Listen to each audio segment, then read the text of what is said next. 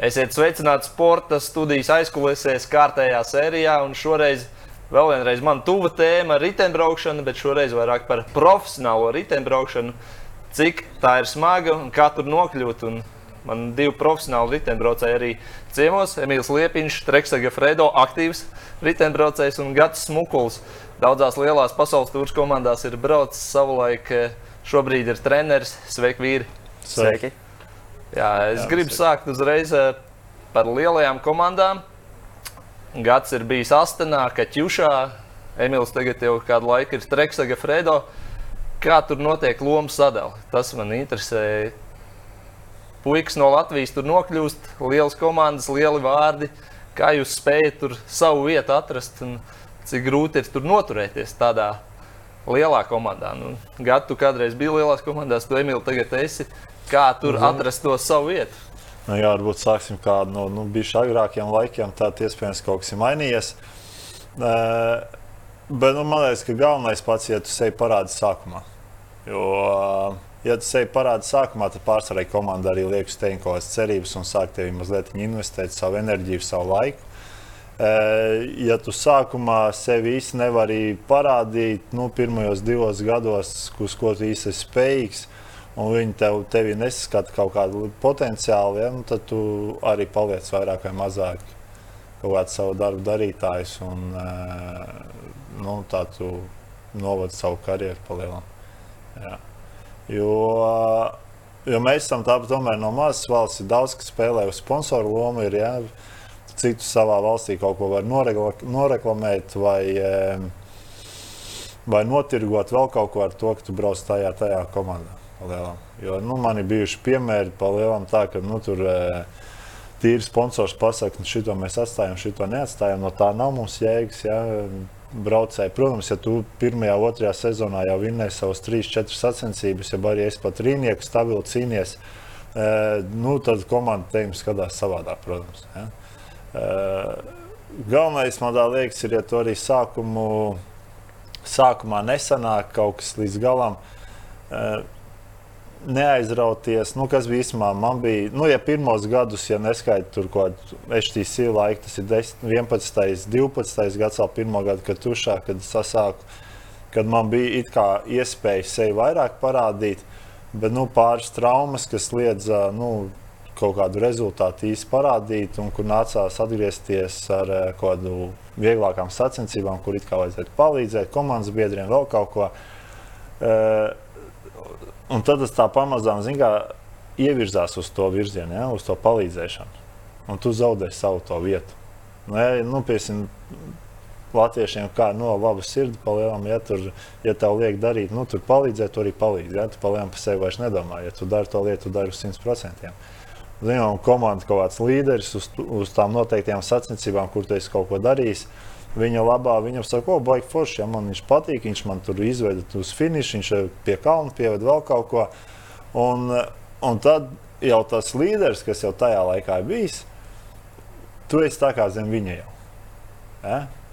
Un, un uz katru sacensību jau braucot, viņš te prasa līdzi, o, es gribēju, lai, nu, piemēram, tur Emīls, lai atbrauc, ja man uz tur finišu izved, tur vēl kaut ko, man baigi forši, laba sadarbība ir. Un, e, un kaut kādā brīdī, tu, pēc kaut kāda laika, tu sāc zaudēt savējo to garšu pēc uzvaras, ja, to cīņu, vēl kaut ko. Un, un tu vienkārši aiziet tajā rutīnā palielā. Ja, tāpēc es saku, ka svarīgi ir to pirmo, arī ja tev uzliek uz kaut kādu sacensību, kur tev jāstrādā, e, nepārcensties. Ja. Galvenais man liekas, ka nepārcensties, vienmēr mazliet padomāt arī par sevi, tā kā to dara pārsvarā lielvalstu braucēji, ja tur beigļi, francūži, itāļi. Tie ir no nu, tādi, kas ir vienmēr, viņi, kā, viņi palīdzēs, viņi darīs, kas jādara. Bet vienmēr kaut kur pietaupīsies gadījumā, ja viņam kaut kur pēkšņi parādās savu iespēju. Par sevi neaizmirsīs. Jā. Bet nu, mums tā kā pārsvarā, nu, lielākajai daļai, teikšu, ir tā, kad, eh, ko es esmu pavērojis, ka mēs, ja, nu, ja mums liek darīt, nu, tad mēs ar visiem 110 nu, palīdzam. Bet nu, primārais, jā, no mazām valstīm, protams, tas ir uh, daudz grūtāk izsist savu vietu nekā no lielas. Tas ir uh, vairāk kā skaidrs. Vai nu tu esi uzreiz no paša starta galties pār, pārāks uh, tā kā Pogačurs, ja tur iznāk ārā, tur vēl kaut kas, nu, arī nav liela valsts, viņam ir 3, 4 ja, profesionāli braucēji, bet nu, viņi visi ir uh, pašā augšā. Nu, vai, nu esi, fenomens, vai, vai nu tu esi tādā, nu, tuvu tam līmenim, vai nu arī tev jādomā līdzi ar galvu. Jo, Viņiem būs jāizvēlas vai nu uz finišies itālis vai latviečs, viņi izvēlēsies, ka itālis. Jā, Emīl, tu esi pašā sākumā, gads, jo tam ir izgājis cauri. Kā tu ar to lomu sadali skaties? Tu esi tikko jauns ienācis, vēl savu vārdu nesaki, skaties, ko saka komandas sporta direktors un pakļaujies. Kāda ir tā tava situācija, uzsākot to profesionālo ceļu? Nu, es vēl klusēju, bet parakstīju līgumu kā otrais sprinteris un kā ievilcējs Mateo. Pirmās sacensības, ko mēs braucām kopā, es izdarīju ļoti labu darbu. Viņš uzvarēja jau pirmajās sacensībās, un varbūt tas bija, bija drusku mīnus, jo pēc tam man pilnīgi pilnīgi visām sacensībām lika ar Mateo kopā un uh, bija jāuzvelk viņš uz finišu. Un tā arī tā loma sadala notiek. Itālijs, pirmais sprinteris un tad iet pārējie. pārējie un, arī dažās sacensībās man iedod iespēju, bet uh, man nedod tos palīgus. Jo uh, tas ir jāizkaro, lai tev, lai, lai tev viņus dotu. Bija arī, kā piemērs, šogad uh, Emirātos Mateo Krita Es kā otrais sprinteris, bet es eju bez, vispār bez palīgiem uz finišu. Un, uh, lielajās sacensībās bez palīgiem tas ir praktiski neiespējami. Gatis arī zina, ka tas Nā, ir. Tu ļoti daudz enerģijas zaudē. Protams, tu izbrauc vējā un tu jau savu, savu sprintu izdarīsi. Un tad tu vienkārši apmēram, kur tu, kur tu izcīni to pozīciju, kādam uz rāta tā tur iebrauc, jo sprintam jau tu vairs neesi. neesi kā, enerģijas vairs nav. Ja? Nav enerģijas. Un, uh, Tu jau viņu atstājis iepriekš, lai vispār izcīnītu to pozīciju, lai būtu tajā tusiņā priekšā. Mhm. Kā cīnīties par to savu vietu? Ja tu esi viens Latvijas komandā, labi, jums, jūs esat divi Latvieši vienā komandā, varbūt tas kaut kādā mērā palīdz. Nu, vispār kā, kā jau Latvijam ir reitingā komandas. Latvijam jau vispār grūti ir tikt tajās Voltūra komandās. Tas nav Beļģis, Beļģim ir trīsreiz vieglāk. Tur ir viss tā kultūra, riteņbraukšanas, un uh, ieņem būs jāizvēlās drusku sliktāks beļģis vai latvietis. Viņš izvēlēsies beļģi. Tur var pārdot trīsreiz vairāk riteņus, un uh, tur ir trīsreiz vairāk fani. Tas vēl Maika teiks, trīsreiz vairāk. Jā. nu, tas ir, jā, jo es saku, jo tomēr tas mārketings šodien, man liekas, uz pēdējos gadus ir uh, politika, mārketings. Uh, tas ir tas, kas spēlē nu, visos sporta veidos, spēlējām komandas sporta veidos. Tas ir, man liekas, tas, uz ko vispār tas balstās. Ja? Cik daudz var pārdot, nu, cik tu esi aktīvs. Man liekas, šodien ir sociāli, varbūt tu neesi pārāk labs sports. Nu, nevar teikt, ka Voltūrā visi ir labi sportisti, ja? bet nu, salīdzinot kaut tiem, kas tur ir. Ja? Es vienkārši man ir no saviem laikiem piemēri, ja, kur daži ir tādi, kas nu, palielināt tikai tur piedalās, ja, jo viņam ir backgrounds aizmugurē visā ar, ar sociālo, sociālajiem tīkliem. Ja, viņš tur super aktīvs, viņam tur ir sekotāji, vispārējais. Uh, Un, eh, un dēļ tā viņš tajā komandā tikai tiek atstāts palielināt. Ja, viņš izdara, viņš nav slikts, viņš nav slikts kā braucējs, bet, nu, salīdzinot ar pārējiem mēs tur varētu ielikt nu, krietni spēcīgāku braucēju. Bet vienkārši viņam ir tas nu, tirgus aizmugurē. Un, un, un tas arī, kas piesaista šodien, nu, daudz ir. Jo, nu, Tāpatās, cik es pavēroju Emīlu sacensības šogad, ja, viņš aizbrauc, nu, tagad viņam ir tā iespēja. Ja, eh, viņam iespēja arī Rindāls sevi parādīt. Viņam nav tā, ka tur komanda viņu noliek tā, kā viņš pats teica, un izcīnīt kaut ko. Jo viņš aizbrauks nu, uz Beļģiju, tur uz Beļģiju viņam sastāvā vēl 4-5 beļģi. Ja? Un kur pa lielām savā valstī rāda uz sevi rezultātu. Ja? Viņi no nu, Beļģijā esam mājas sacensības. Un Emīlam tur tajā visā pūlī sanāk izcīnīt kaut kādu rezultātu. Viņam viss sanāk. Bet nu, vienmēr tā padās, tiks, o, dod, tu palīdzi šim, tu palīdzi tam un otram. Nu, diezgan Mēram grūti. Tas, uh, braucam Beļģijā, ja Beļģis slikti jutīsies, tad tu vari pats par sevi braukt. Bet nu, mm -hmm. tu brauc pats par sevi. Un, uh, Pārējie tur kaut ko. Jo palielinām man arī tagad 6 vinēja to Katalūņu setupu. Līdz, nu, līdz tam bija tā, ka pirmie divi gadi man bija profesionāli sportā ļoti smagi. Es ar Epsteinu izslimoju, īsti nezināju. Nu, bija tā, ka uz robežas arī beidz. Nu, divi gadi pagāja, īsti nebija līguma nekā. Un, nu, un tad parakstīju jā, ar pašu krūtāko komandu, kas ir tajā laikā. Un, e, nu, it kā uz turieni arī aizgāja, nu, viss tā skatījās, jā, nu, puiši, jā, tur trenējās, viss kārtībā, brauc tās stundas, it kā nečīgs, viss forši. Bet tagad es uzvarēju tās pirmās sacensības. Vienkārši attieksme komandā izmainījās. Nu, nu, 180. Vienkārši tu, nu, pēc tam tu uz nākšām brauc tā, ka tev tur. Nu, tur ir to, ka tur pa katru braucēju rūpējās, viss bija forši, bet pat dabās tu atmosfēru iekšējā jūt. Ja tev ir tā uzvara, vēl kaut kas, tad tu uz tevi skatās pavisam savādāk. Nu, tas, tas ir pats galvenais palielinājums. Ja, jo nu, riteņbraukšanā otrā vieta ir pirmais zaudētājs. Ja, otrās vietas palielinājumā nav. Labi, tur kaut kādos monumentos, tur Flandrijā, Rubē, Milāns vai Rēmo, jā, otrs, bet nu, to viņi tā. Nu, otrais ir labs rezultāts, bet nu, tik un tā tu zaudē. Mhm. Un, tāpēc tās uzvaras vienmēr, vienmēr ļoti kotējās. Ja tu sākumā sevi vari pirmajos gados parādīt, tad arī lielāka iespēja, ka komandos tevim ieguldīs kaut kādu enerģiju, sastāvu, liks tevim vēl kaut ko. Nu, palīdzēs tev atkal izaugt tālāk. Un, un tajā brīdī, kad tu sajūti, kad tu sajūti to atbalstu, tev arī psiholoģiski tu kļūsi spēcīgāks. Iespējams, tu trenējies tāpatās, iespējams, tu viss dari tāpatās, bet tas psiholoģiskais e, dod nežēlīgu bonusu, ne, nu, tādu padēju papildus, ka tu nu, esi pārāks uz gonku. Tu izēji uz startu un tu jau jūti, jau cīnies tā kā puzara. Es domāju, šodien vajag rezultātu, bet nu, es atbraucu uzvarēt. Un, un, tas, un, tas, un tas tas moments, kas atšķiras pārsvarā. Ja mēs paskatāmies pašā vienā un viena to pašu, ja viņi nebrauc vienkārši rezultātu parādīt, viņi brauc uzvarēt. Nu, un, e, un tas psiholoģiskais spēlē, jā, pārsvarā pavisam. Nu, mums vienkārši tāds piemērs, es tajā pirmajā profesionālajā komandā, kad braucu, bija tā, ka mēs atbraucam uz startu, mēs jau zaudējām. Mēs jau zaudējām, jau viss jau psiholoģiski. Bija tā, ka, oh, tur ir atbraucis Kavendišs, tur ir Kontodors, tur ir šītais, un tā, nu, nu, mēs tur kaut ko pacīnīsimies. Un, tāds, un, un zinām, tu jaunais puika atnācis no, nu, no U23 no amatieriem, un, un tu nesaproti, kā tā var, zinām, palēt, tu biji profesionāli komandai, nu, kas notiekās pa lielam. Bet, jā, un, un tas viss tā, tā depresija gandrīz jau pirms startējā, ja, un tu, tu arī brauc Tu vāji, vai tu tev vispār nav spēka, enerģijas, nekā nav. Gonka. Brauc otrajā līnijā. Tu brauc otrajā līnijā, jā, un kaut ko cīnījies, mēģini, un tu nesaproti, kāpēc tik grūti. Mm -hmm. Un, un tas, kad es aizietu uz kaut kādu labāku komandu, kur jau tas komandas iekšējais ir tā, ka mēs esam labākie, mēs esam spēcīgākie, mēs esam uzvarētāji un mēs vinēsim. Un tu tā arī brauc.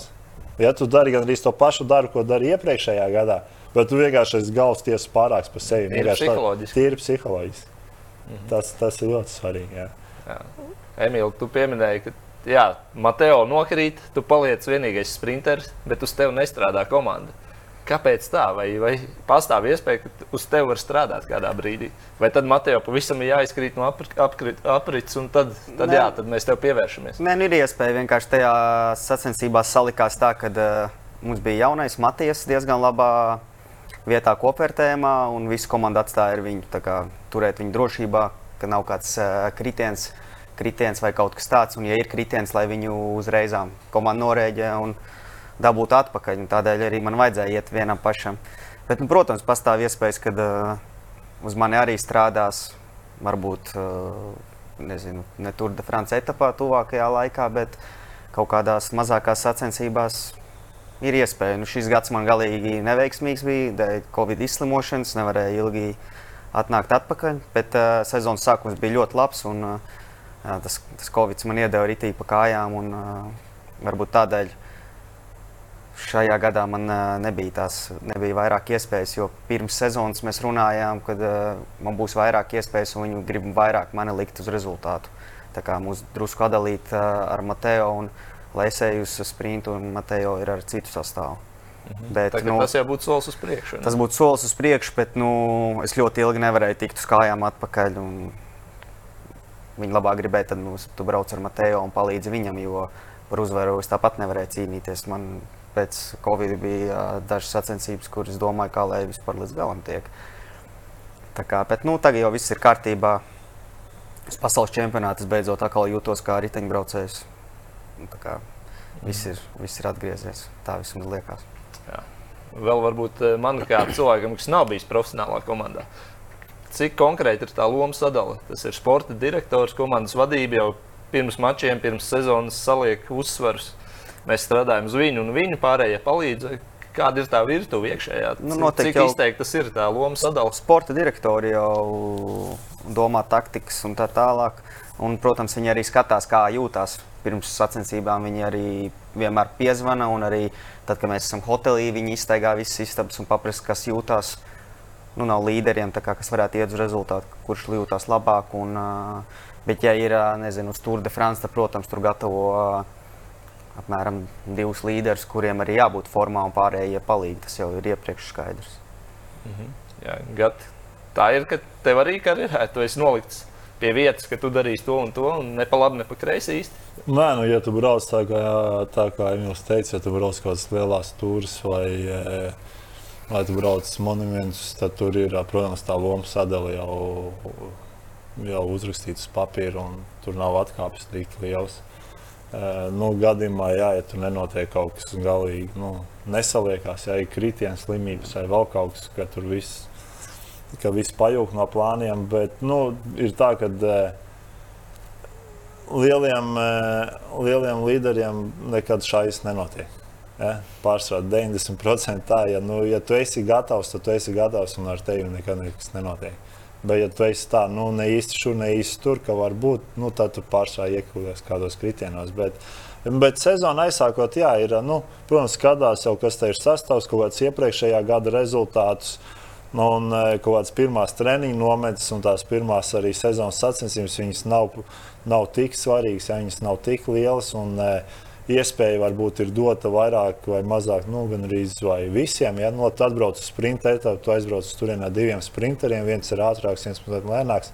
Protams, mēs visi strādājam priekš uzvaras. Ja? Nu, nav tā, ka nu, tādi visi septiņi ja? cīnīsies pa, pa top desmitnieku. Ja? Bet, nu, bet ir kaut kāda etapa, kur var kāds braukt ātrā vienā, var, vai, vai nu ir konkrēts sprinta etapas. Mēs strādājam, nu, ja mēs esam pārliecināti, ka viņš var vinēt, tad, eh, tad jāstrādā uz sprinteri. Nu, bet tas sezonas sākums ir mazliet tāds, kur arī paskatās, ko katrs ir, eh, cik daudz ir progresējis, varbūt pa ziemu, kādu darbu ielicis. Un, eh, un tad uz tām pārējām sacensībām jau var kaut ko no visa izlasīt ārā un sākt kombinēt uz sezonas no, nozīmīgākiem startiem. Bet, bet dejot sezonai, tur, tur vairs īstenībā nekas nemainās. Tur, nu, ja tā, ja nav tiešām traumas un mašīna nav notriekusi vai vēl kaut kas, ja tiešām kaut kas letāls noticis, tad, eh, tad tie līderi tikai mainās. Ja. Nu, tā kā es saku, Emīlam, arī ja, ja tur viņš iztaisno no sacensībām, vēl kaut kas, nu, ok, tad tu dabū to iespēju. Bet tā sezonas gaitā, nu, cik mani braukts, nu, ja tā pastāstās, nu, dikti nemainās. Nekas. Tie mm. puikas, ir, kas ir no sākuma, tie, tie arī iet līdz galam, ja arī viņiem ir kaut kāds pārtraukums sezonas tur vidū, ja, un tad, tad ieliek kādu citu pa, pa līderi, ja, jeb arī uz ko mēs strādājam. Ja arī aizbraucis kaut kādā tur, tur Austrijā, ja, kur tur ir smagi etapi, un kur īsti nav izteikti neviena līdera. Ja vienkārši aizbraucam, nobraucam gongu, kāds pa etapiem pacīnīties, nu, tad, jā, tad visiem ir kaut kāda sava iespēja. Ja, un, eh, bet nu, es savu darbu, jā, nu, man arī bija tā, ka es mazliet pārcentos ar viņu savā, savā karjerā ar savu to strādāšanu. Jā. Kā jau visu Latviju. tā kā es arī sākumā, uzdevumu, sā, sākumā, sākumā arī jā, es to minēju. Kad arī bija, kad es nu, HTC tur vinēju, tur man bija pāris trīnieki, trīnieki vēl iebrauc. Ja? Un, kad uzšāvis nokrita Katārā sezonas sākumā to plaukstu salauzu. Un tad uzlika mani uz Giro, jā, tur palīdzēt. Nu, Un uz Kataloniju bija kā palīdzēt tur eh, tie, kas pa kalniem brauc, tur izvest pirms kalna, vēl kaut ko nu, nogādāt labā pozīcijā. Un, nu, jā, nu, tur es tā sevi mēģināju parādīt arī no labākās puses. Vienkārši man patīk, ka ir grūti. Nu, gads jau bija slavens, ja gads pieiet priekšā, tad tur atrivām nav nekādas izredzes vispār aizbraukt līdz galam. To pa visi runāja. Un, eh, nē, nu, man patīk, ka ir grūti. Man tas man tāds iekšējais kaut kāds maksimāls. Vai nu, ja, tu brauc atrivā, kad tas ar Gatu arī bija komanda, Gatis brauc atrivā, un nu, tur jau visi saprot, ka šo atrivā nedrīkst laist. Viņš ir aizbrauks reāli. un, eh, un, jā, un tas, eh, un tas arī iespējams, ka man kaut kā lauz savu to iespēju paša, nu, pats sev jāpalielina. Jo tu kaut kā ieej tajā rutīnā, tu izdari savu darbu, jā, es varēju mums kaut kādā sezonas sākums, tur aizbrauc 8 cilvēki katrā vienā 5-6 minūtes. Nu, 160 km jābrauc, es viņus pats varu noķert. Nav problēma. Es viņus nu, paņēmu kruīziņā un vienkārši līdz beigām sašņoju. Kādu kuram kruīzi?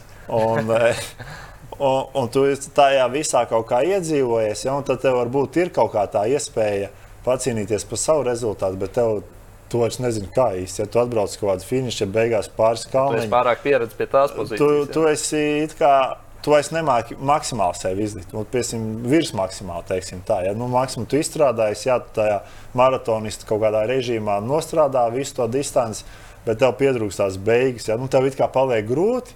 Nu, tāds, ah, nu, es vairs nevaru, ja? nu, tur oh, sāp kājas vēl. Nu, tu tā uzreiz tā mazliet sevi padodies. Ja? Un, un bija, ja pēc saviem kaut kādiem trīs, četriem gadiem, tu saproti, ja, ka tev vairs nav to beigu. Tu tāds, bija, es kaut kur pazaudēju to visu. Kā to jā. dabūt atpakaļ? Nu, tur, tur ir vienkārši jā, tur ir visu laiku jāstrādā pie tā. Ir tāpēc arī kaut kādas katras sacensības, kad ir tā iespēja, kas mums bija HTC, nevis HTC, kad tušām pēd, pirms pēdējo gadu, pēdējo mums nomainījās direktors. Un arī palielam viss saka, nu, Indālē braucieni sešu sprinteriem. Jā, kad tu atbrauc, nu, kaut maz, maz daudz dienu nedēļu iet, e, sešas dienas. Nu, Indālais brauciens, tur 10, 15 km. Ja? Un viņš lika visiem maksimāli braukt. Neskatoties, ja nav ne, nu, vai tu vari viņu nobraukt labi, vai tu nevari nobraukt labi. Jo vienkārši tev kādā dienā, kad tu ies pa kopvērtējumu, būt, tur būs tas indālais brauciens, un tu nekad neesi viņā ieslēdzies. Un tu nekad viņu nenobrauksi. Ja? Dēļ, iespējams, dēļ tā tu arī zaudēsi kaut kādu savu, savu to iespēju. Iespējams, tur vinēt. Uh, Big Bang tur, ja, kas tāda ir, ja vēl kaut kāda, nu, tā, kur ir tas, tas eh, maz, mazais indālais brauciens. E, Ot, pietrūka man arī tas, ka es kaut kādās lielajās turēs, ja es varēju kalniem pārbraukt pāri, kur paliek 30 cilvēki, es varu braukt ar viņiem vēl pa kalniem. Ja. Un, un tu vienkārši pēc tam tāds nu, jūti, ka viņi jau visi jau brauc ātrāk, palika grupas sadalījis. Nu, nu, tu pēc tam tā kā viss vienkārši līdz finišam aizbrauc. Tā beidzās. Ja? Un bija mums eh, Norvēģijā sacensības, tur arī brauc, jau beigās noķērām atrāvienu, vēl bija pāris pauguriņi. Uh, nu, un tas sāk atkal mēģināt aizbraukt projām 15 km līdz finišam. Nu, tu ja, esi tajā pēdējā atrāvienā. Ja? Tu kā nu, man ir līderis Kristus, bet nu, tu kalniņā uzbrauc, tu aizbrauc viņam projām. Nu, tu tā īsti nezini, ko darīt. Nu, strādāt, nestrādāt. Ja? Nu, tāds atbrauc līdz tam finišam, iet uz kalniņu, piecelies kājās Nu, grūti, jā, bet nu, tu nemāki, tu nemāki vairs ieslēgties. Nu, tu paliec otrais, ja? nu, tu nofinišēji otrais no sešiem. Uh, atnāc uz autobusu, nu, viss tur tāds, nu, pats kā apmierinās, visu, visu sezonu es strādāju, nu, trīniekā es iebraucu, tāds baigi forši. Nu, tev pienāk direktors, pasaka, nē, nu, nē, tā jau malāts, bet, nu. Vajadzētu vinēt. Jā, žēl, ka nevinēja. Uz uzvaru interesē. Nu, jā, nu, tāds, it kā, nu, ir ok, bet, nu, tu zaudēji, saproti, jā vajadzētu būt pagaidīt, nu, mēs možda būtu vinējuši šo Kristofu Lēlu. Mm. Ja, tā kā nu, jā, tā, tādas situācijas pietrūkst. Vienkārši, kad tu nonāc tādā, un tad vienkārši aizdomājies, ja, nu, varbūt vajag kaut kur mazliet vairāk sev padomāt. Bet nu, tā tā kā aizbrauc uz kaut kādu svarīgu sacensību, tev uzliek, kur tev ir atkal līderis, izteiks, kurš var kaut ko vinēt. Nu, tu atkal esi savā ritmā iekšā un dari tas, kas tev jādara.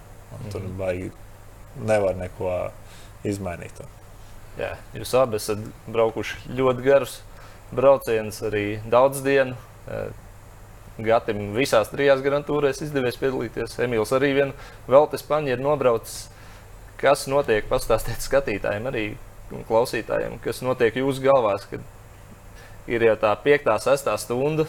Tā, kad gada gadījumā tu iespējams visu laiku vilcis tos visus vīrus sev aiz muguras, ejot pa priekšu.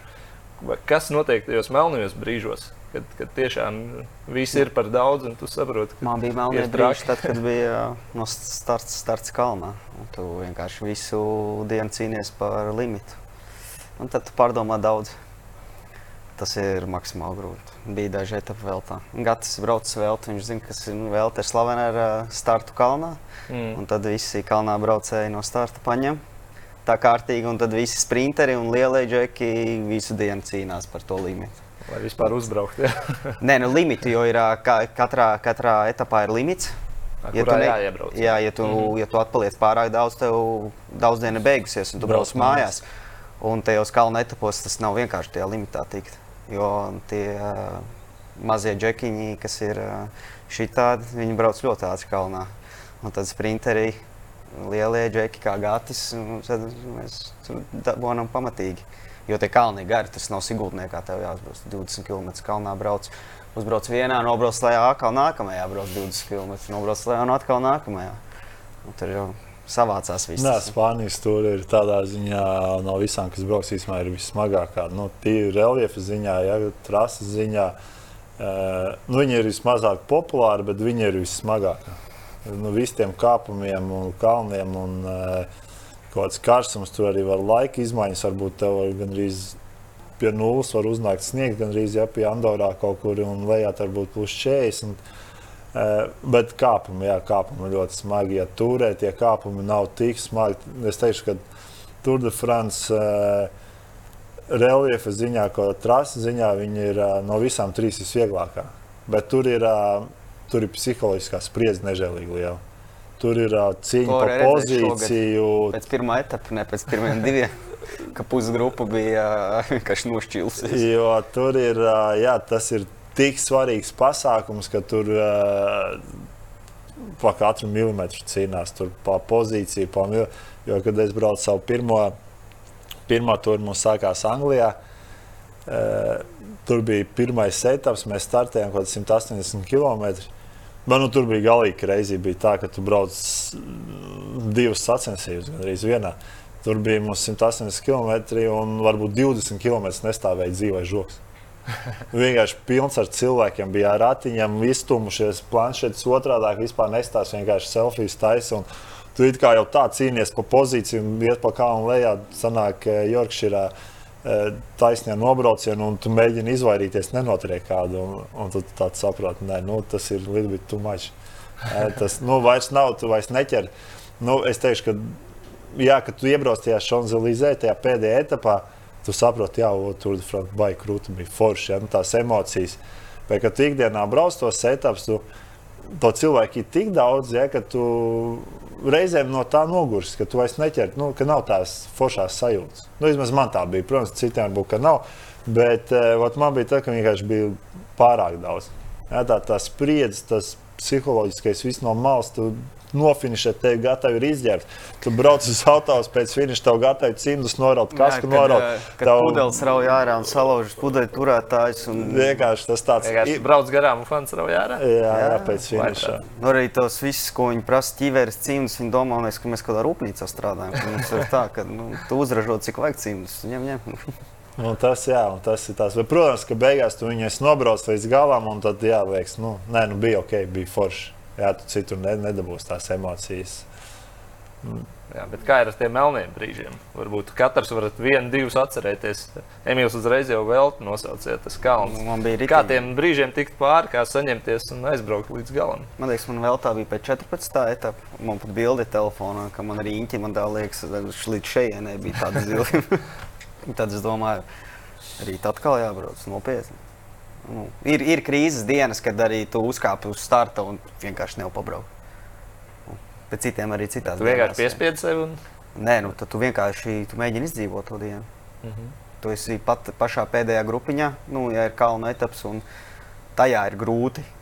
Tev ar tiem pārējiem braukt kopā. Un, tad nu, reāli pārdomā daudz un uh, ej pāri saviem limitiem. Galvenais ir tikt līdz galam, tad nākamā diena ir labāka. Bet katram, reāli, katram ir tā krīzes diena. Kāda ir tā tava recepte? Kā tu saņemies? Nu, morāli ir sevi jāuzvar un viss. Ja tu morāli salūsi, nu, tad viss ir. Bija mums komandas biedri arī pagājušajā gadā vēl tā, kas nu, reāli salūza morāli. Tur jau varēja vakariņās redzēt, ka nu, nākamā diena ir pēdējā. Nerunā viss besīgi un agresīvs. Nākamajā dienā uzkāpst starta un rāda jau pasaka, tas, tas ir izstājies. Viss. Mm -hmm.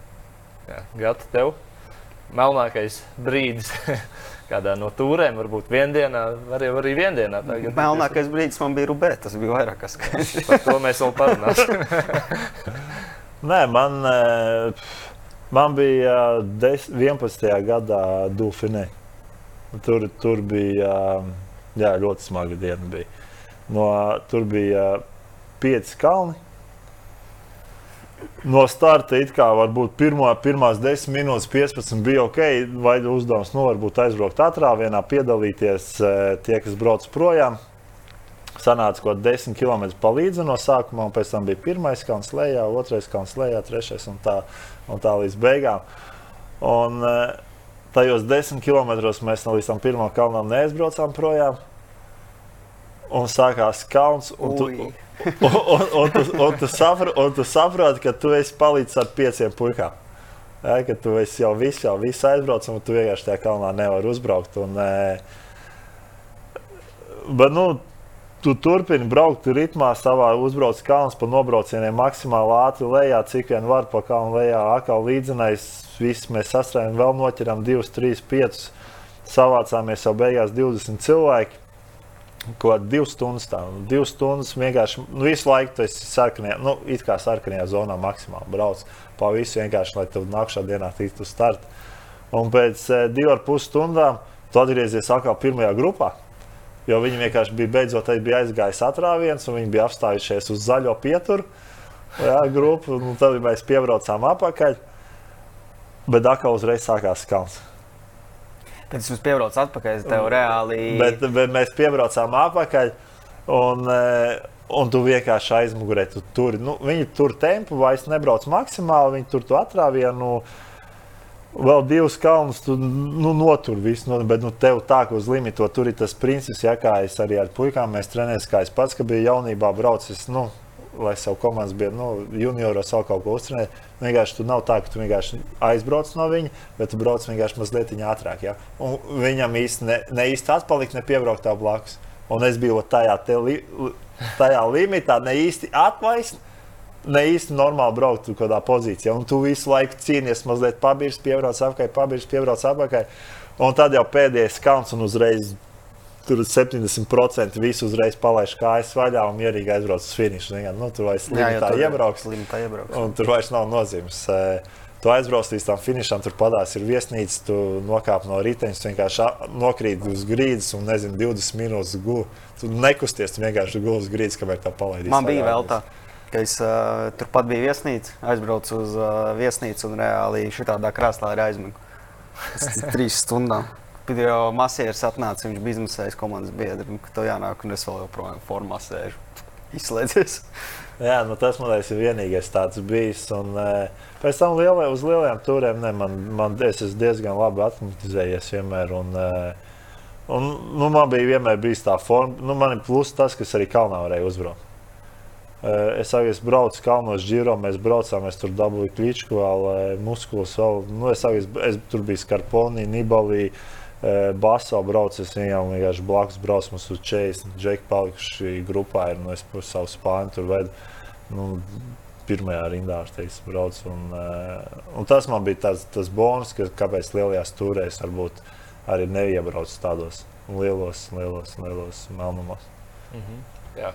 Kā tev bija tā morālā cīņa? Emīls izstāstīja, ka nu, ir jātiek vienkārši tam pāri tam brīdim. Nu, ta, tas arī ir tas, ka vienkārši tu, nu, tu saproti, ka tev vēl ir jābrauc nākamās dienas, un nu, tev vēl jaunība. Tad vēl tie jaunā, jaunības gadi, teiksim, tā, ka tu, tu tas tavs, savs maksimāls. Man, nu, man patīk sevi mocīt. Tagad ir grūti. Ir, uh, tu vēl sevi gribi pamocīt, tu līdz galam tu nepadodies, vienkārši sasniegt savus līmeņus, ko tu vari izdarīt. Un, uh, Un tu saproti, nu, ja viņš teikt, arī var, nu, kā viņš vest, viņš man visu laiku, nu, viņš pirmais izvairīja, ja? viņš pirmais atpalika, un es tādu neatpalikšu pirmais. Ja?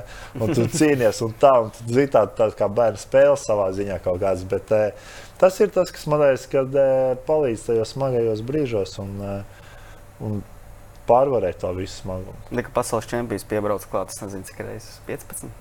Tu atpaliec, piebrauc, atpaliec, piebrauc. Jā, jo tas Trakākais vēl, ja, kas var būt vispār. Jo tur ir tā, ka tu taisīsi tādu sakaru, tas nozīmē, ka, ka tu neesi, tu neesi slikts, bet tev nu, mazliet pietrūkst. Ja? Sēžot tā kā Emīļa pasaules čempionāts, šobrīd bija nežēlīgs. Mums beidzot bija īsts sacensības, bija forši skatīties, tiešām Viens no patīkami. smagākajiem laikam. Un, uh, tu tāda Austrija, jā, tev tur bija uh, Innsbrukā. Tur, nu, viņi bija fi, nu, pēc grafika, bija ļoti smagi ar to kalnu. Jā, vis, viņi nebija visiem. Bet šī gonga bija tāda līdzena maziem auguriem, bet viņi bija ļoti dinamiski. Viņi bija visu, aktīvi, visu, Nu, no visu, visu laiku vienkārši rokas pulsu. Un, Jā, tur pozīcijā. Un, un, un tas ir tā interesanti. Ka, un, ja tu vari tur taisīt to akordionu, tad tev vienkārši mazliet pietrūkst. Jā, tie, kas iebraucām pirmo reizi Lūvens apļos, tie, kas eh, bija aizmugurē, saucamajā akordeonā, ka visu laiku izstiepjas, -hmm. sabrauc kopā, nu, tie arī tur samaksāja. Nu, jā, Pamatīgi tur... viņi vairs netika līdz priekšai, jo neviens arī īsti negaidīja, kad pirmajos Lūvens apļos uh, iedos pilnā. No, jā, jā, tur neviens, tam tas bija pēdējais. Reāli 200, 200 km līdz finišam, bet uh, visi bija maksimāli. Nu, baigi paveicās, es biju top 10 pozīcijā. Tas ir atpakaļ. īstajā vietā, īstajā laikā. Jā. Jā, jūs vīri pieminējāt brīžus, kad pēc mačiem vienkārši atplīstat, uh, izslēdzaties kādā krēslā vai uz grīdas. Es ar, par pārslodzēm arī gribēju runāt. Cik traki jūs ejat līdz tam savam limitam pāri, limitam profesionālajā riteņbraukšanā? Cik bieži ir tās pārslodzes, kā ķermenis vispār pie tā pierod, kā tikt galā ar to, ka tās slodzes ir. Nu, viņas nav normālas. Nu. Tāpēc jau tur ir trenējies, lai to visu izturētu. Bet, uh, Ir, ir protams, krī, krīzes, kad uh, tu esi pārslodzē un uh, tev reāli nav spēka. Strakākais ir, uh, kad ir lielie treniņu bloki. Tu vienkārši šeit tādam cauri, kad uh, tu mājās divānā nolūsti. Bet, uh, tāpēc jau trenējies un sacensībās tu vari iet tam cauri tai, tai slodzē. Protams, ja tur ir uh, mežonīgs kalns, tu vienkārši es vismaz neesmu spējīgs, jo es esmu sprinteris nav reāli ar, ar viņiem cīnīties uh, tajā kalnā, un tu brauc savās uh, saka, spējās. Bet, nu, tas pats arī ir uh, kalnā braucējiem pret mani sprintā. Nu, viņš nevar cīnīties ar uh, mani sprintā un viss. Nu, tas, kā, viņa specifika, mana specifika. Bet tās pārslodzes man, man personīgi visgrūtākais ir uh, daudzdienās, kad uh, tas nogurums krājās, krājās, krājās. Man bija vēl tā pirmā nedēļa visgrūtākā, man sakrājās tas no, uh, nogurums. Un es nezinu, pēc tam man vienkārši palaida vaļā un man daudz labāk gāja. Otrā elpa? Jā, otrā elpa. Kā, pirmā nedēļa man bija visgrūtākā. Es vispār nevarēju pabraukt. Pirmie divi etapi, es domāju, jā, viens ir šis, te būs. Uh, Trīs nedēļu garumā, es nezinu, kā es tur tikšu līdz galam. Bet, nu, man pēc tam palaida vaļā. Bet man liekas, tā arī bija ne tā. Nē, nu, pirmās, jā, pirmās dienas bija parasti vis, vismagākās, jo tad arī pārsvarā tie, kas brauc, eh, teiksim, eh, kādas viendienas mazās sacensības, nu, kas ir īsākas sacensības, nav daudz dienas, viņam ir tas, eh, kā viņi pareizi noraksturot, nu, ne virsātrums, bet nu, viņam ir daudz lielāka tā anaerobā jauda, ja, kas ir aiz tavu kaut kāda komforta, kas eh, tajās pirmajās dienās viņi produsē lielāku to jaudu, teiksim tā. Ja. Un eh, ejot dienām, viņa samazinās. Nu, viņa vairs nevar. Nu, nu, ja tā mašīnai bija 250, nu, tad beigās pēc pāris dienām viņai tur 200 zirgi paliek. Ja. Un tas pats arī ir tajās pirmajās dienās. Ja tu neesi visu laiku trenējies tajā hiperaktīvajā zonā visu laiku, tad tev ļoti grūti ir viņu izturēt. Ja? Un tev liekas, ka ir smagi un tu nevari, tu neesi iebraucies. Bet eh, ejot kaut kādām pirmajai nedēļai, pājot, viņa nokrītās, tad jūs izlīdzināties. Ja mēs paliekam apmēram vienā, tad jau paliek vieglāk. Un tie, kas te izbrauc jau pārāk tajā sarkanajā zonā, uz trešo nedēļu viņi jau visi jau ir zem tavējā. Bet, kā tu sāki tajā savā slieksnī visu no pirmās dienas, arī tur līdz pēdējai dienai. Un tāpēc arī pēdējā nedēļā, man, es vienmēr pēdējā nedēļā jutos vislabāk. Es nejūtos labāk, es jutos pēdējā nedēļā tāpat, tāpat, kā, tāpat kā pirmajā, bet vienkārši lielākā daļa jau bija tā, ka do, pēdējā nedēļā mēs jau braucam mājās. Pojā. To arī varēja redzēt, kad vēl tu brauc. Tā pirmā nedēļa, es skatos tos rezultātus, daudz sprinterus. Nu, kā viņi tur var tikt? Nu, pēkšņi tā pāri kalniem brauc. Un tad pēdējā nedēļā es skatos, ka viņi vienkārši pa limitu cīnās, jo viņi ir pārķēruši tās uh, to pirmo nedēļu, un pēc tam viņi par to maksā. Jā, jo tās pirmās dienas visi atbrauc svaigi, gatavi, nocietušies. Nu, tu viņās būs, bet nu, tu tajā sarkanajā dienā, nu, sarkanajā zonā padzīvojies pāris dienas. Tur baigi jādomā, ir. Uh, pēc tam tu maksā, maksā uz pēdējo. Pieredzējušie džeki arī, nu, kā tu vienmēr man pirmā grantūra bija tā, kā, nu, jāmučīra, ko tu neatbrauc uz filmā. Atpūsties, viņi saka, vecīts, ja limitā tu esi iekļāvies, pataupi spēkus. Es ok, ok, un pēc tam es sapratu, ka džeki, kas kā, tur ritīgi, nu, apmēram cīnīšos par 60 vietu. Nevien, nevienam neinteresē, labāk pataupt spēkus un pēc tam normāli brauc. Jo tie, kas tur cīnījās, viņi pēc tam ir. Nu, viņi maksā. Jā, jā, nav atšķirības 60 vai 100. Vai jā, jā, nu, par to jau neviens nevienam neinteresē. Citi tur močīja līdz galam, un pēc tam viņi Mhm. Nevar vairāk. Jā, Gadu, tu jau pieminēji, ka tā izturība bija viens no taviem plusiem. Kalns varēja pārbraukt. Atceries kādu pārslodzes brīdi, kas ir iespiedies atmiņā. Nu, kad tiešām bija pat traki. Tu teici, jā, toreiz tu nokriti vienkārši pēc finiša. Nē, man bija nu, tā īsti, teiksim, ka nebija pārslodze, bet, teiksim, mēs uz Tenerife, uz augstskānu. Tas ir vairāk, es domāju, kaut kāds treniņu process, kuram nebija izlietas cauri, kaut kādas pieredzes mazliet trūka. Ja? Tā, daudz tādu nu, ar augstskānu tur eksperimentēja ja? un vispārējo. E, bija tāda situācija, ka mēs aizbraucām, novadījām treniņu nometni Tenerifē padzīvojām e, trīs nedēļas, nobraucām lejā. Un pirmās dienas, nu, tādā žargonā sakot, ķēdi nejūt. Nu, vienkārši tāda sajūta, ka tur kāds noņēmis ķēdi, pat tukšu vienkārši gribēji. Tā, tā, tā ripoja. Bet e, pagāja kaut kāda nobraucu strādu Bianchi, to eroiku, kas ir pa Itāļu grāmatceļiem. Uh, Eh, tur visu dienu vienkārši pa priekšu, Nibalī nobraucu līdz pēdējiem 16 km. Un eh, nākamajā dienā bija vēl viena itāļu sacensības pa lietu. Un, un, un tur bija aizgāja atrēns un vajadzēja strādāt, kā ķert to atrāvienu. Un, eh, un pēc tās dienas tu sajūti nogurumu. Bet bija vēl viens sacensības, pēc tam Tirēno vajadzēja braukt. Tirēno nav viegli. Un, un tu sajūti, ka tu. Ot, mazliet esi pārķēris. Ja, ot, ka sanāca, ka mazliet tās slodzes pa daudz, un organisms nespēja atjaunoties pēc tās augstkalnas. Pēc tās augstkalnas. Un, e, un tad tu vienkārši visu laiku bedrē, bedrē. Tu brauc to tirēnu un tu saproti, ka to katru dienu paliec. Nu, it kā pats varbūt tu neesi, bet nu, tev vienkārši vairs neripo. Tu vairs netiec priekš, pulss neceļās, nekas. Ne, nu, un tu mēģini izdzīvot. Ja pirmās trīs dienas tu vēl kā grupā vari nobraukt, tad eh, pēdējās trīs dienas tu nevari vairs atsēdēt. Ja? Un tad tev pienāca laiks braukt uz Beļģiju. Startē, no starta nu, tur sānvējš, mazliet lietas līst. Un tev pulss maksimāli ir 150. Ja, ja tev ir kaut kāda 180 robeža maksimāli, un tu dabū 150 un vairāk tu nedabū, un tu visi tu brauc mājās, un tu neties nekur. Un tad, un tad saproti, ka tu esi vienkārši tādā bedrē, ka nu, jāmēģina no viņas tikt ārā. Un tur aizgāja kaut kāds mēnesis vairāk, e, kamēr no viņas tika ārā. Jā, tu aizbrauc, nu, tu esi paliek, tu brauc mājās un guli gultā, neko nedara. Es tieši gribēju prasīt, kā tu tiec pāri. Kad tiec ārā no tās beigas, tev vajag atpūt vienkārši. Tas, nu, pagaidām, tu tev vajag atpūt, tu vienkārši neko nedari. Tev ļauj organismam atjaunoties, e, dabūt iepriekšējo kaut kādu to pašsajūtu, un e, tu sāc atkal no jauna visu mierīgs treniņš, ieliec bāzi un pakāpienisks ieskrienas. Protams, tu tur neizlaidi ja, trīs mēnešus. Tas nav tev tur eh, lausts kāja vai vēl kaut kas. Eh, ja arī kaut kāda aritmija trakā, ja, kur tev vajag pusgadu izlaist un ieskrieties atkal. Nu, tu izlaiž savus trīs nedēļas, pavisam mierīgi, vēl divas nedēļas tu iebraucies, un tad jau, nu, tu jau esi kaut kādā puslīdz līmenī. Nu, uz otro sezonas kā ir saules, silts un vispārējais. Un tu jau biji formā, tev nu, diezgan viegli dabūt atpakaļ. Tur nav tā, ka tu pazudis esi galīgi. Nu, ja tu uz pavasaru un ziemu, tu izlaiž to ziemas sagatavošanas periodu, dabū izlaist. E, tad, protams, sezonas sākumā ir daudz grūtāk.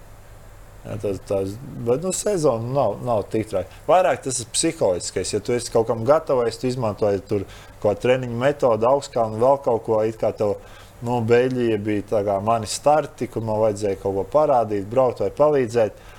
Un, un tu dēļ tādas patrenētības vai vēl kaut kāda tu nevari viņos piedalīties. Tas tās psiholoģiskā traumas. Tagad es rubēju salauzu roku arī kritienā. Tad eh, es ļoti pārdzīvoju.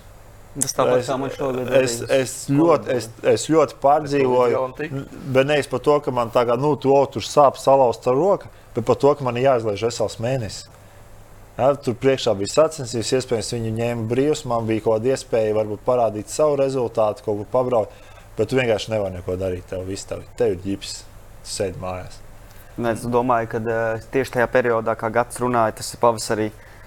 Kā viņam sanāca, es dabūju tieši tāpat arī Covid, COVID un es reāli pārdzīvoju, kad es gāju uz tām Beļģijas gonkām. Tagad vienkārši teikt, tā, tu esi ārā uz diviem mēnešiem. Kā Gatis pieminēja, tas ir pats svarīgākais posms tev, vai ne? Kur jā, jā. ir arī iespēja tieši sezonas startā. Un tas ir pats trakākais, reāli, ka tu morāli vienkārši salūzis un pēc tam apakaļ tik tajā ritmā. Gan psih, Jā. psiholoģiski, gan fiziski. vai ne? Tev abas Psiholoģiski lietas visgrūtākais ir, jo muskulim jau labi atmiņas, jo tu vari ātri dabūt, bet tu psiholoģiski sev atkal tā kā motivēt, ka nu, viss ok ir un braukt tas, trakākais. Jā, ot, kaut kā tādi, tādi, tādi melnie punkti, kad sākās tie modeļi paši, paši tādi kritiskākie. teiksim. Jā, un tad, kad es vēl nezināju, kad jā, nu, tā kā man ir tas uh, covid, un es braucu to gongu, un es nezinu, kas notiek. Es vispār nevaru pabraukt. Starts, un es jau kā cīnos par izdzīvošanu. Un, apmēram tā kā.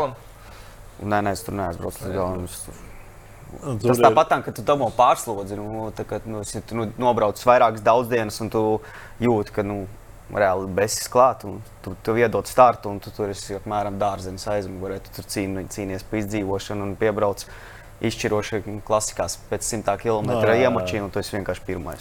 Tuh, ārā. Un tad tev komanda ir uzlikusi uz tādu lielu gonku, un tu neko nevari izdarīt. un Tad ir grūti. Tu morāli vienkārši salūst. Tā, tā kā it kā būtu pievīlis, vai ne? Tas Nu, jā, nu, tas tāds. Savā ziņā.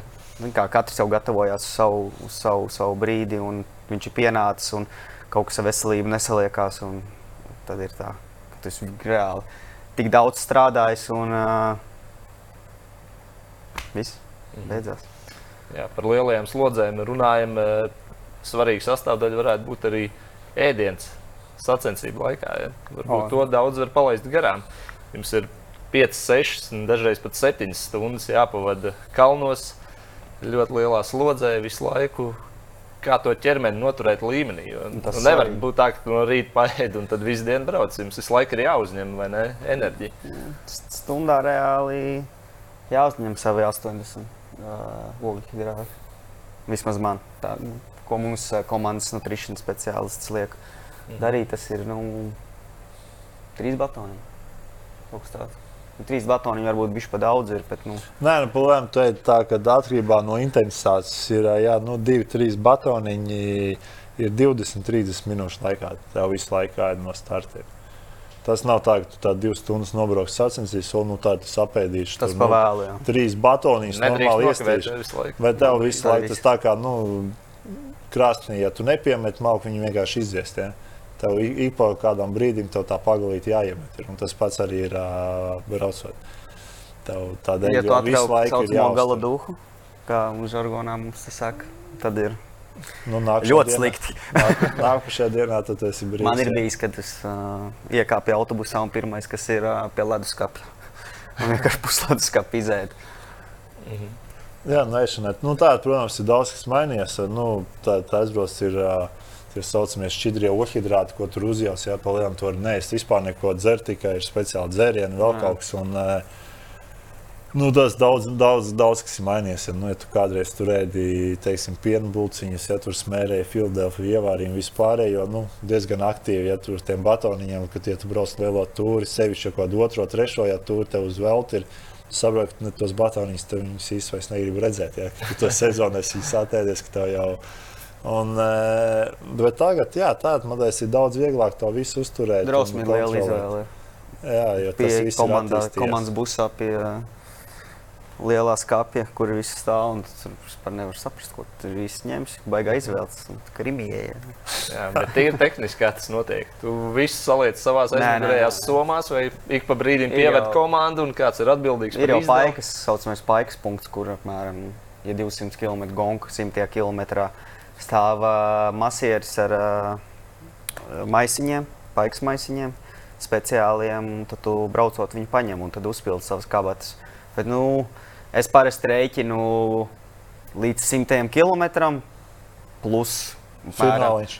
Plus fināls un kāds batoniņš. Nu, ja nu tev tur reāli pabrauc garām un tu nepaspēji paņemt. Nu, vienmēr vēl pie mašīnas var piebraukt, protams. Nu, ja tev sanāk kaut kāds smags etaps, un tu esi Otrajā paškā. otrajā paškā, un tev neviens nesagaida, tad ir. Man ir tā bijis. ka, Nu, kas Komandai tā- viena mašīna sacensībā. Ātrībā kā uz kuriem uz vienu dienām ir viena, uz daudz dienām ir divas. Mhm. Viena ir pirmajam brauc līdzi, arī ir otrā vienam, un tad otra paliek ar pēdējiem grupā. Tur braukā uz priekšu. Nu, tagad reāli uz mazajām, uz mazajām gonkām ir viena mašīna, pārsvarā jau divas. Ir. Nu, Tā vismaz tā, nu, Beļģijā varbūt ir uh, viena mašīna kaut kādu mazo gongu. Nu, bet, uh, pārsvarā jau, nu, jau divas, lai kamerās var redzēt, ka ja ir ātrā vienā, tad ir tur un tur mašīna. Nē. Jā, toties sarunas izskaņai, es gribu arī pieskarties klasikām. Leģendārajām riteņbraukšanas klasikām un īpaši Parīzē Rubē. Nu, pat finišējis šis brauciens. Nu, 19 gadus tur nebija Līsija. Šogad Līja un divi latvieši tur debitēja. Emīls un arī Toms Skuiņš. Gads arī astoņas reizes, ja es pareizi izskaitīju. Tur ir braucis vismaz Nē, astoņas. nē, nē, nē, Tik nebija. daudz nebija? Sešas reizes varbūt. Seši sanāk. ja. Nu, jā, jums abiem ir pieredze. Sākumā, kā jūs raksturotu Parīzi, Rubē, noteikti ir cits klasikas redzētas, brauktas, Man kur tā- ierindojās Parīzē tajā klasiku rangā pēc grūtības. Gads noteikti uh, Nu, daudz i- vairāk braucis. Mm -hmm. Ir tā, ka es vienkārši, ko es varu tādu piemetināt, eh, kas ir ļoti mainījies no mana pirmā rubē un mana pēdējā rubē. Inventārs vienkārši dienu pret nakti. Jā, mums ja, arī bija treks uztaisījis speciāls ritenis. ja tu, Speciāli tikai ja, es, vienām sacensībām. jā. ja, ja, tu, ja es 9. un 10. braucu rubē, tāpēc tam tas vairs īsti nebija vairs rubē, es teikšu godīgi. Ja mēs vēl, vēl tie 2000. sākums, jā, man pēdējie gadi, kad tu vēl brauc, jā, 32 pieķiem ar, ar 25 niec riepiņu. Uh, nu, tev tas brūģis tiešām bija tā, ka uh, Tu jūti. tev pēc tam vi, viss skriemēji pārbīdīti ir. Ja? Uh, tad pēc tam vienkārši tas, tas tehniskais nodrošinājums bija tik milzīgās atšķirībās, uzlabojumos, riteņiem garākas bāzes, riepas 28, 32. Trīs divnieci jau Trīs šodien. divnieci, un tu vienkārši to brūģi brauc, jā, jā tevi krat. Nu, šogad vienkārši bija laiks tā, jā, super mm. dubļaini, jā, lietas briesmīgi bija, bet eh, tu to brūģi vairs neizjūti. Nu, tas tā kā tu. Nu, Nu, no, nē, nu, tu viņu izjūti, nu, izjūti, izjūti, jā. Bet es saku, tu uzbr uz, uzbrauc ar 25 niec vai ar 32 niec uz bruģa. Uz tā Nē, nu, protams, ir Tas ir. ātrums jau var cits ir to. Tā ir tas diena, diena pret nakti. Nē, nu, pasies, tev laika arī brauc 45 vidējo rūmē. Attiecībā kā vējš iepūš. Nu, jā. Tad nav, nav vienkārši tā, tas ļoti daudz. daudz nu, es vienkārši pats braucu. Man pašam bija pēdējais, jā, mums bija 28, 30 riepas, mēs braucām. Un tu uz to bruģi brauc, nu jā, jā tev tu sakrājās, tev nogunums beigās, tu esi tukšs, bet eh, nevar vispār salīdzināt. Kā Džeki brauc kādreiz un, un kā brauc šodien. Tas ir uh, Mm. jā Jo arī jānotina. Ja? vienkārši tu Nē, arī tas paskaties, kā stūrs netina. piemēram. Nu, ot, pirms tam brauc, ja tur viss bija sadalījies, pilnībā sadalījies. Nu, šogad bija briesmīgs laiks, un tāpēc arī viss briesmīgi sadalījās. Bet Tur no veids, iepriekšējos jā, tu iebrauc- gadus, Iebrauc sliktā pozīcijā, un tad tev pirmajā sektorā ir. Čau. Uz redzēšanos. Jā, nu, redzēšanos finišā. jā. Apakaļ- uz mājām. Apakaļ tu nepiebrauks klāt. Nav reāli. Neiespējami. Nē, tur ir. Nu, ja tur nelaiž vaļā visu laiku, tur kā sākt tā līdz beigām. Un tagad vienkārši tās grupas ir pasies, nu, pagājušajā gadā, aizpagājušajā gadā, nu, pagājušajā nenotika nemaz rubējā. Jā, nenotika. Uh, iepriekšējos gados atbrauc pirmie, un pēc tam tev 30, 40 cilvēku grupa ir. A, ja tu paskatās vēl senāk, tādas grupas nekad nav bijušas. Pa divi, pa trīs, pa astoņi, pa Nu, pieci. šogad bija pa divi, pa trīs. Nu, šogad, Sliktais laiks, šogad bija labais laiks, kas Jo palīdzēja. nu, es tajā pirmajā, pirmajā sektorā iebraucu super neveiksmīgi. Jau. Nosit man uh, rokas no stūres, atsitu visu, ko var atsist. Pēc tam es nevarēju. Arī kājas starpā. Jā, 30 km. Nošļūk tev roka, ja? Abas rokas. Abas rokas. Es man nezinu, kā es savācos uz tā rīčukas. Bet gar zemi tur nebija, ja? Nē, es uzkrītu uz šejienes un jā, atsitu, atsitu olas. Uh, es nevarēju 30 km vispār pabraukt. Es vēl brīlis tur pazaudēju. No pirmā sektora bez brīlēm. Tieši tādā laikā, kad Jā, un, un uh, es viņas pazaudēju. Viņas īstenībā nolūza. Un uh, nebija reāli man tikt vispār apakaļ. Jo es pēc tam braucu. Nu, es turpināju, tā kā es biju sev ielicis galvā, nu, es braukšu līdz finišam, lai arī es nezinu, kas būtu. Un es braucu un visu laiku pa vienam savācu, pa vienam. Grupas tādas nav vispār. Nav. Pa vienam vāc, vāc, un mēs sākam braukt kopā, un tas džeks, ah, vecais, šī tas nav priekš manis vienkārši. Un tā, un tā pa vienam, pa vienam, pa vienam. Un tā lai līdz galam, bet tas brūģis bija vienkārši kosmisks. Tad, Gatis zina, tā, ka viņš šitāds ir un lietus, Un tas tā kā apmēram brauc Latvijā pa grāmatas ceļu, kad ir itīgi uzsālis. Mm -hmm. Brauc, brauc, brauc, un tad vienā brīdī tev vienkārši stūri pazūd. Tad tu atsties pamatīgi. Nu, Brauc tālāk. Un beigās, jā, pēc 50 km man arī bija ar uh, caurām riepām, na- naglas dabūja abās riepās. Un uh, man lēnie, lēnie bija. Un uh, iebrauc tajā velodromā, man bija aizmugurē pilnīgi tukša riepa, un priekšā bija kaut viena atmosfēra. Un tur džeki bļāva, tā kā tu esi, Traks. nē, nē, sekundes līdz limitam. Tā kā do Ā. virsū. Un es, jā, un es jau nevaru, zinu, kā ir cauri riepa, tur vēl trekā, kur ir ā, slīpais. Un es močīju pa visu, un es nevaru, un uh, 11 sekundes palika līdz limitam. Es nebūtu bijis limitā. Bet populārs kļuva. Jā, kas pēdējais finišētājs un es netīrākais vēl pie tā. Tas bija trakākais, ko tu. 100%. Uz, un tas bija mega smagi. Nu, vieta nekāda, bet uh, tas bija uh, trakākais, ko pats ar sevi tur nu, cīnīties, lai vispār tiktu līdz galam. Gads pats zina, nu, tu atbīrs, tad ir uh, nenormāli grūti. Tu esi viens pats. Un, uh, 260 km. Un, tā, kā es vēl redzēju, kad ir, uh, es braucu un jau pilnīgi jau ir uh, čau. Un vēl jābrauc kaut kāds 140 km. Tomēr. Es taču vēl desmitos minūšu. Tā gan arī bija. nē, nē, nu, tas īstenībā, nu, ja es limitā iekļāvos, nebija tik sūdīgi. Normāli. Tā kā... Es priecīgs, ka esmu finišēju Rubē, Rubē. Un, uh, Nē, tas, tā ir viena no. Nu, tas tā kā iebraukt Šonzelīzē, ja nu, nu, vienkārši nu, nobraukt to Tour de France jau ir. Tās emocijas ir un man liekas, ka Rubēns aizbraukt līdz galam. Tas arī tā. Vienkārši esi aizbraucis jau. jau. jā, jo Tas pasies, tev ir labs ķeksīts. puse, dzīvē. puse neaizbrauc līdz galam. Vienkārši tas ir liekas, tā, tā, tas iekšēji, to brūģi visi izcīnīt. Nu, tu Milāns ar Remo 300 km. Nu, tu aizbrauc līdz galam. Nu, palēnām vispār vienalga. Nu, jā, nu, tu aizbrauc tur vienkārši, nu, kādu pusgadu, tu 250 km neko nedari, pēdējos 30 tu sagās gonkā. Uh, tādā rubē, to bruģi, viss tā atmosfēra un uh, tas, jā, nu, tu iebrauc tajā velodromā. Nu, tā, tā, tā, tā, tā gonks gaita ir tāda, nu, tāda svinīga. Šogad arī bija tāda. Visu laiku svētki. Ja? No, tāds. Bija vairāk gandarījums, ka tas, Vēl- t- t- tiem dubļiem es izgāju cauri. Un uh, brīnums, ka tu neesi kaut ko salauzis vēl pa ceļam. Reka lapā, mājaslapā rakstīja, ka tu divas dienas neesi pat normāli redzējis. Ja? Jā, jā, man acis bija galīgi. Un es vēl pēc tam saslimu, bronhīts bija. Un, uh, es nosalu reāli pa ceļam. Kā tu esi vienā tajā kombinācijā, ka tu viens esi vējš, viss, viss, viss, un tu jau esi necīnies. Kā saka, pa uzvaru, un tu tur vienkārši brauc sevi. savā tempā un cīnies ar sevi un reāli izpūt cauri. un satlido. Man bija jābrauc vēl pēc tam. Vēl vienas sacensības, bet uh, nākamajā dienā es piecēlos 38 grādu temperatūru visu mājās. Cik ilgs laiks pagāja, kad tu normāli jūties tā kā ikdienā?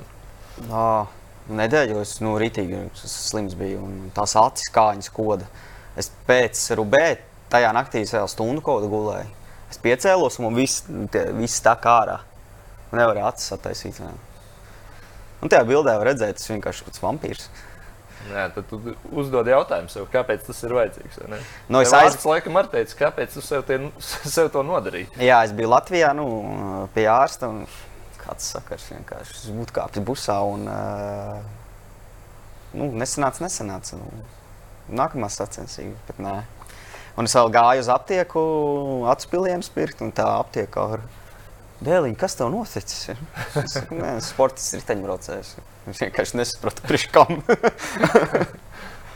Tā kā, Gada tev trakākais atgadījums Parīzē, Rubē. Viss reizes tik līdz finišam. Mm, Nē, nē, cel, nē nu, salauzt roku vienreiz netiku. Mm -hmm. e, savu otro, otro gadu profesionālajā man rubē beidzās e, pēc 30 km. E, cel, nu, brauc tā kā cēlos līdz atrāvienam, taisīja kā pātrinājumu, un tad bija li, nu, līmējumās riepas, un vienkārši viņas nomaucās. Vienkārši viņas Uz nora- rubēja tik slikti uzlīmēts. Viņas, es, nu, jā, viņas bija svaigi līmenis, nu, tur bija dažās. Nu, cēlos, Viņas priekšēji arī aizgāja, viņi ierāva iekšā. Man pārsteidza par ragiem. Es vienkārši ar, ar gūžu iedūros asfaltā pār ragiem, un tur es arī paliku. Un, nu, es, man Bet, tur nu, tur sākumā arī rūpēja tāds no, stress, lai tiktu atrāvienā. Nu, jā, tur jo tā reāli priekšrocība, tu tiec atrāvienā, tu ne, nenāc to baru tajos sektoros iekšā. Reāli savā tempiņā var braukt, un pēc tam, kad eh, piebrauc līderi klāt, viņiem var aizķerties. Tur baigā cīņa patrāvienā. Vai labi, Toms šo, šogad trāpīja iekšā atrāvienā, tad viņš varēja to normāli parādīt. Bet, nu, tur arī baigi atrāpīt. Ir vienkārši, ja tu pārcenties, pārcenties tajos pirmajos 100 km, vienkārši tu pēc tam, pēc tam vajag akmens tāpatās. Tur tā. Pārsvarā nu, baigi jājūt, ir, nu, kad viņš aizies un kad neaizies. Tas nav tā, ka tev iedod startu un tagad tu visu laiku visu domā. Nu jā, pēc tam iz, sāksies sektoru un viss. Izmētās un aizbrauks projām un būs baigies čempions. Nu, tā, tā īsti nav. Tur tā. Mm. Ar rezervītu visu laiku jābūt priekšā, jāvaktē jā, un, un jāsajūt tas īstais moments. Jo tu mazāk, mazāk reizes sevi pats saka, izraustīs, jo tev lielāks iespējas tālāk aizbraukt. Katrs, katru reizi, kad tu nocēlies, mēģini aizbraukt, vienkārši jau novelc vienu sektoru savu nost. Mm. Jā, Emīlija izstāstīja īsumā par to velospēdu. Saprotu, ka treks speciāli Parīzē Rubē izgatavoja. Nu, tas ritenis jau bija uztaisīts tādu, arī var cilvēku nopirkt. Uh, saucās Domāna, bet viņš ir paredzēts tādiem brūģiem un viņam ir garāka bāze, viņam speciāls tur dakšā sistēma ir, kas amortizē, kurus arī salauzu, man liekas, otrajā sektorā. Es tādā labā, vēl vienā āliņģī ieliku, salūzu. Bet, nu, es viņu baigi nejūtu, ka viņš salūzu. Bet, jā, nu, speciāli Pirelli taisīja speciāls riepas arī, un visas komandas gatavojās speciāli tam. Nu, tur jau pārsvarā vis, visām komandām ir speciāls inventārs. Bet uh, riteņi ir, man liekas, bija tikai specializēta un treka, kas bija uztaisījuši speciāli. Man liekas, ka vēl Ridlijam ir, un ir vairākiem, vairākiem ir jau vairākus gadus jau es braucu. Bet vispār var just reāli atšķirību. Jo es pamēģināju, kad mēs braucām trases apskati, pamēģināju parasto un ar to var just atšķirību. Bija labāk, jā. jā, jā. Daudz labāk pa to bruģi iet. Uh, Nu, viņam nu, tā bāze ir garāka, nu, viņam, viņam ripo, viņam nav tas sitiens lielāks, viņš to arī amortizējās. Tā iz, iz, izdalt, izdalt to triecienu pa, pa lielāku laukumu. Jā, un nu, viņš arī iet uzreiz pāri. Jo tādu parastie riteņi, viņi vienkārši tādu bāzi vispār paliek ar vien īsāks un īsāks, agresīvāk tie riteņi cietāk. Un, un ja tev sanāk braukt pa bruģi, tur kraties mm -hmm. un uz priekšu neiet. Mm -hmm. Ja, nu, vīri par riteņbraukšanu mēs te ilgi varētu runāt. Daudz interesantu stāstu jums, bet noslēdzot šīs sporta studijas aizkulisēs, es gribu jums uzprasīt tādu vienkārši, varbūt pat ļoti sarežģītu jautājumu. Vai Latvijas pasaules tūris komandā var būt līderis kam jānotiek, lai tas tā notiktu? Emīl, tu tuvākais tur šobrīd. Var 100%. Nu, es teiktu vairāk, ka noteikti sprintā līderis, Es nezinu, kam jānotiek, lai būtu Tour de France līderis, kas iet uz kopvērtējumu. Jo, vienkārši jāpiedzimst. Jāpiedz, jāpiedzimst, tas nezinu, kas Pogačars stāsts. Ja? Brauc, nu, viņiem vismaz kalni ir, kur trenēties. Mm. Latvijas, tu piedzimst, tu te brauc uz Siguldu augšā lejā, nu, grūti sagatavoties. Bet kā sprinteriem un uh, klasiķiem, es domāju, jā, kāpēc ne? Mums vēji ir trenējies. Jā, gads arī trenēja jaunos, vai ne? Tu redzi, ka tas ir iespējams.